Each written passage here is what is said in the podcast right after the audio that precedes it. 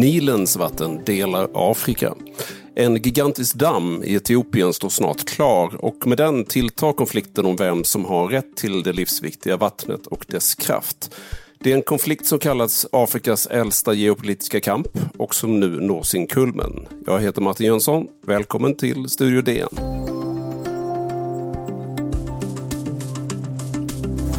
Den heter Grand Ethiopian Renaissance Dam och ligger nära gränsen mellan Etiopien och Sudan.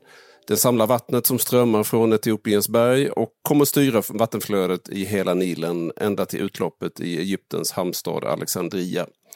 Bygget har hållit på sedan 2011 och när det står klart nästa år blir det Afrikas största vattenkraftverk. Men den politiska striden om energin och det livsgivande vattnet är långt ifrån klar. Detta ska vi prata om idag med DNs Afrikakorrespondent Erik Esbjörnsson. Välkommen! Tack så mycket! Med oss har vi också DNs utrikesreporter Erik Olsson. Välkommen även du! Mm, tack! Men vi ska faktiskt börja med lite musik.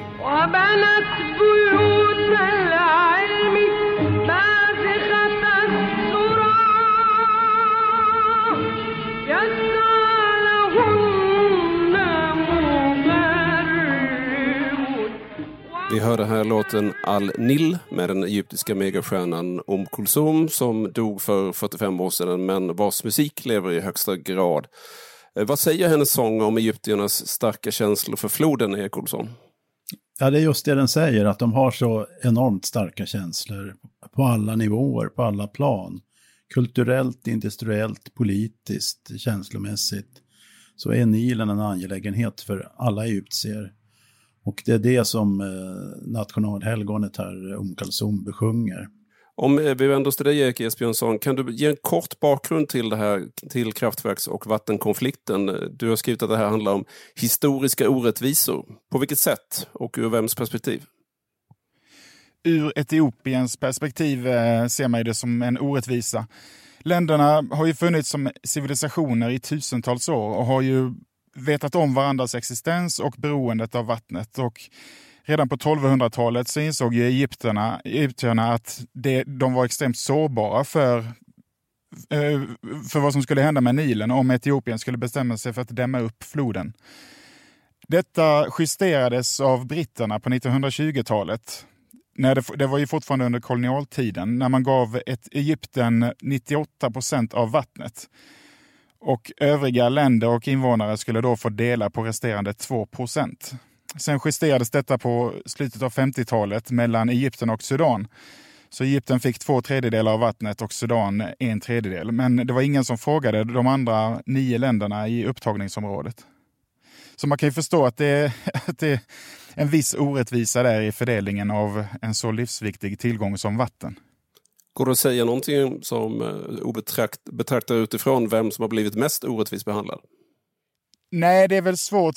Men Etiopierna har ju en stolthet över att de aldrig har varit en koloni. De, de, eh, och det, det är det som kommer fram i de här tongångarna nu. Liksom, att det här var, något annat land kan ju säga att britterna fattade det här beslutet ovanför våra huvuden. Men, men det kan man inte ens säga. Även det skulle ju vara felaktigt. Men etiopierna ser det här som liksom en, en skymf nästan, att de inte ens tillfrågades när, när man reglerade uttaget av vatten ur Nilen. Mm. Om du ska beskriva kort själva kraftverksbygget, eh, vad kan det leda till? Grand Ethiopian Renaissance Dam, som sagt GERD, kommer bli det största i Afrika. Eh, man kommer tredubbla elproduktionen i, Etiop i Etiopien i ett enda slag. Och man hoppas ju att det här ska bli en katapult för utveckling och, och framsteg. Men man får också se det i ett större nationellt perspektiv. Det här är alltså ett land som historiskt alltid har varit väldigt auktoritärt styrt och nu första, för första gången så ser man ett spirande samhällskontrakt där regimen faktiskt har mobiliserat hela befolkningen i nationella lotterier och även ren beskattning. Men man lovar också att det här ska hända. Vi ska leverera på detta löfte och på, det, på så sätt är det ju unikt nästan att man faktiskt har, eh, har startat en sådan typ av dialog med sina invånare. Så det, det är oerhört mycket prestige som står på spel för Etiopien. Mm. Det är ju, som du säger, elbehovet i Afrika är ju enormt. Vad är det som driver mest det stora behovet av energi? Det handlar ju om en långsiktig trend i Afrika, dels med urbanisering, dels med befolkning. Vi tänker ju ofta, när, i den här globala energidiskussionen som drivs av klimatförändringar, så tänker vi ofta att afrikaner de behöver väl inte så mycket el, för de bor ju i hyddor på landsbygden. Men det är ju det är en bild som har satt sig för många decennier sedan. Bara Addis idag har ju lika många invånare som Sverige. Alltså Addis Abeba, Etiopiens huvudstad den här trenden kommer fortsätta fram till att Afrika har ungefär 4 miljarder invånare vid slutet av det här seklet. Vilket är lika många som eh, i Afrika. Det kommer vara lika många som bor i Afrika som bor i Asien idag.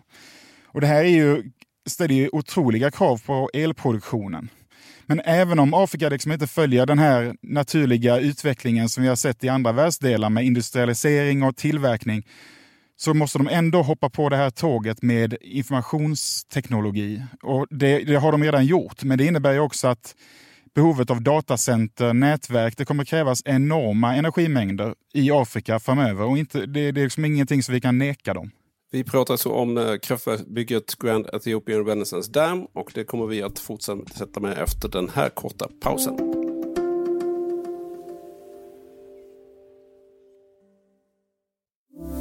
En del befarar ju att konflikten om vattnet och energin i östra Afrika till och med kan leda till krig. Hur stor bedömer du risken är för det, Erik Olsson? Ja, det är ju ett faktum att eh, det har skramlats med vapen från, eh, från eh, eh egyptiskt håll. Eh, en sak som jag gärna vill tillägga i anslutning till eh, kollegan Esbjörnssons förklaring här, det är ju den egyptiska geografin nio tiondelar av landet är eh, i princip obeboelig öknen, öken. Det gör att man alltså eh, 100 miljoner invånare ska samlas på 8 procent av landets yta som är ungefär en miljon kvadratkilometer. Det är ett skäl till att man känner sig eh, trängd av, av de äventyren här. Och, och att man faktiskt har gått så långt att, att hota med vapenmakt. Det är alltså risken för svält och utarmning eh, kontra möjligheterna till eh, ekonomisk tillväxt och expansion som ställs emot varandra. Det kan man säga.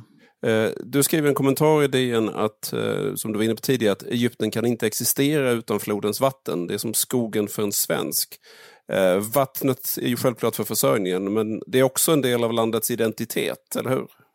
Ja, det var som vi började inslaget med att lyssna på Ung Kalsums hyllningssång till Nilen. Det är ju, eh, det är ju linje med det så att säga. Eh, Nilen är ju tätt förknippad med den egyptiska civilisationen. Det skeppades kalksten på Nilen till pyramidbyggena för 4000 år sedan. Och det här är ju någonting som sitter i ryggmärgen hos varje, varje egyptier. Och, och det bidrar ju naturligtvis till att eh, konflikten blir extra laddad. Hur mycket handlar det om geopolitisk makt i Afrika? Ja, om du frågar mig så är det klart att det är en, eh, det är en, eh, det är ju en del av, av hela kakan så att säga. Det är ingen tvekan om den saken. Och Egypten är ju väldigt måna om att ha en stark, starkt försvar. Och det har man ju inte för inte. Man, man för ju krig i, eh, mot eh, jihadister på norra Sinai. Man har ju i dagarna hotat Libyen med, med eh, FN, FN-erkända eh, regimen i Libyen med krig. Eftersom man står på den andra sidan i det libyska inbördeskriget. Eh, så att de är måna om att vara en, en eh, stark eh, regional maktspelare. Vilken roll spelar FN i det här, Erik Esbjörnsson? Inte så stor roll, men det kommer hamna hos säkerhetsrådet eventuellt. Däremot så har ju USA varit väldigt involverade, för USA är ju allierat med båda de här två länderna. Men nu när USA har sitt, sina huvudverkar som vi är väl medvetna om, så, så är det istället Afrikanska unionen som har stigit in och försökt få parterna till förhandlingsbordet. Och för Egyptens president Abdel Fattah al-Sisi så är ju detta en oerhört central fråga. Vi ska höra ett kort inslag med honom här. Tell me. والله والله والله والله لن نقوم بأي ضرر لن نقوم بأي ضرر لن نقوم بأي ضرر للمياه في مصر للميافي مصر مصر Berätta för oss som inte förstår språket, Erik Esbjörnsson, vad är det vi hör här? Det här är ett inslag från en presskonferens häromåret när Abiy Ahmed, den nya premiärministern i Etiopien, besökte Kairo och eh, blev överraskad av Sisi som drar fram honom till mikrofonen och tvingar honom att utan något manus säga efter mig liksom, att vi lovar att inte störa Egyptens tillgång till eh, Nilens vatten. Han, han, blev ju tagen på sängen där. Eh, det vittnar väl om att det finns någon form av dialog mellan länderna. Det är inte helt låst. Men samtidigt så var det väl lite orättvist gjort av Cissi kan man tänka sig. Mm. Och vad är nästa steg nu med kraftverksbygget?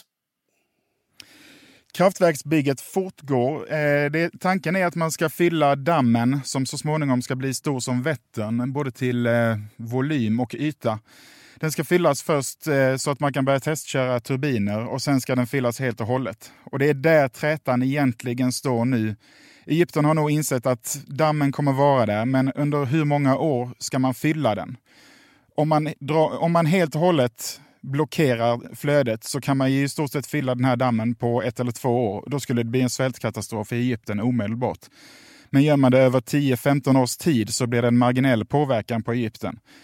Men eh, Å andra sidan så tar det alldeles för lång tid för Etiopien att få utdelning på sin investering. Sedan handlar det också om, i de här förhandlingarna som pågår, så är en väldigt viktig fråga är vem ska bestämma, vem ska sätta ner foten och säga att nu har vi torka, nu måste vi ändra flödet i Nilen. Det handlar om nationell suveränitet och det är det som Egypten inte vill ge upp. Och, och, och Etiopien vill heller inte bli beroende av någon annan för att fatta det beslutet. Så när man nu förhandlar om, i, nästan i panik under de kommande veckorna om den här frågan så vill ingen av de här parterna låsa upp sig vid en lösning som får långtgående konsekvenser, kanske 50 år framåt i tiden. Och Erik Olsson, slutligen då, vad, vad talar för att det ska bli en överenskommelse mellan parterna? Ja, de måste ju nå någon form av överenskommelse. Eh, vad de håller på med nu, enligt min eh, bedömning, det är vad man kallar på diplomatspråk för brinkmanship man ser hur långt man kan skrämma sin motpart och sen dra tillbaka hotet till sista stund. Så att någon form av överenskommelse blir det ju. Ja, eh, då avslutar vi dagens eh, program. Detta var det sista ordinarie Studio DN innan vi tar några veckors sommaruppehåll. Men det finns ju många äldre avsnitt att lyssna till på poddplattformarna eller i DN-appen. Och imorgon lördag sänder vi en särskild repris kopplat till turerna i Svenska Akademin. Det är Hanna Fahls intervju med DNs reporter Hugo Lindqvist om vad som egentligen hände i spåren efter DNs avslöjande om kulturprofilen. Ljudillustrationerna till dagens avsnitt kom från Middle East Eye och låten Al-Nil med Om Kalsum. Och Studio DN görs av producent Sabina Marmelakai, ljudtekniker Patrik Miseberger, teknik Oliver Bergman, Bauer Media. Jag heter Martin Jönsson. Tack för att ni lyssnade.